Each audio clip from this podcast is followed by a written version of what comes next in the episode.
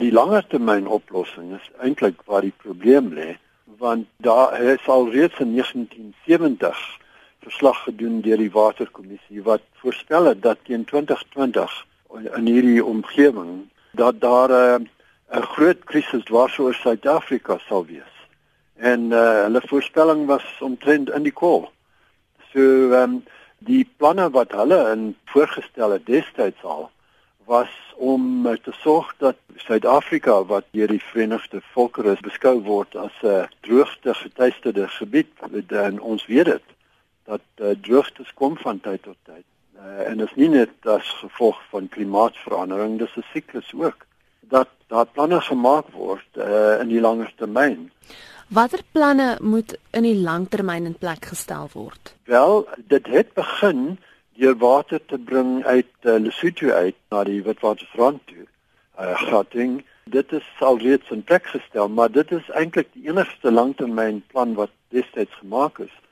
Maar daar was 'n plan om water te bring van die Kunene rivier en um, dit kan na dele van die um, binneland gebring word En wat die Weskus betref, sou dit dan noodsaaklik gewees het om uh, 'n uh, pipeline of selfs 'n kanaal te bou om uh, die water van af daai gebiede uh, in die Kunene rivier te bring na die Weskaap.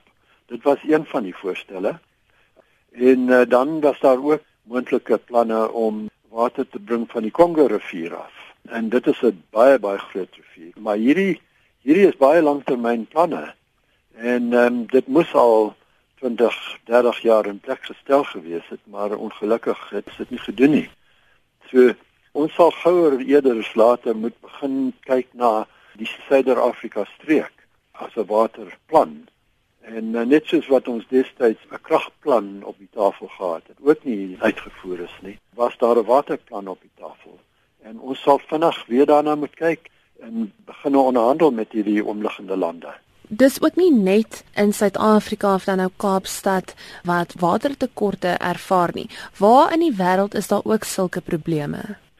Ja, daar is oral in die wêreld sulke probleme. Kalifornië byvoorbeeld het groot probleme in dele van Kalifornië. En uh, daar is hulle ook besig om na hierdie uh, selfde soort van um, metodes om water na hulle plekke toe te bring.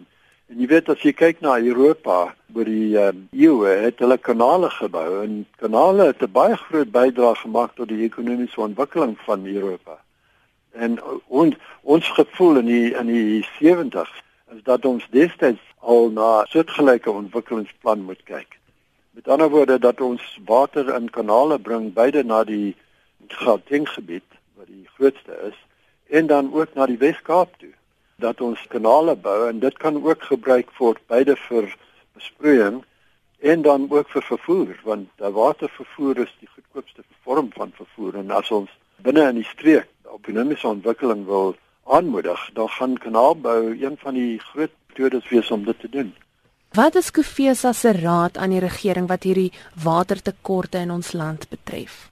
In een sin is om dadelik te begin met kyk na die planne wat alreeds vir 40 jaar op die tafel was en te kyk tot watter mate is hulle nog steeds van toepassing en dadelik te begin met die beplanning en en met die samewerking met die private sektor dat ons vennootskappe bou tussen private sektor en die en die staatssektor om hierdie watertekorte aan te spreek.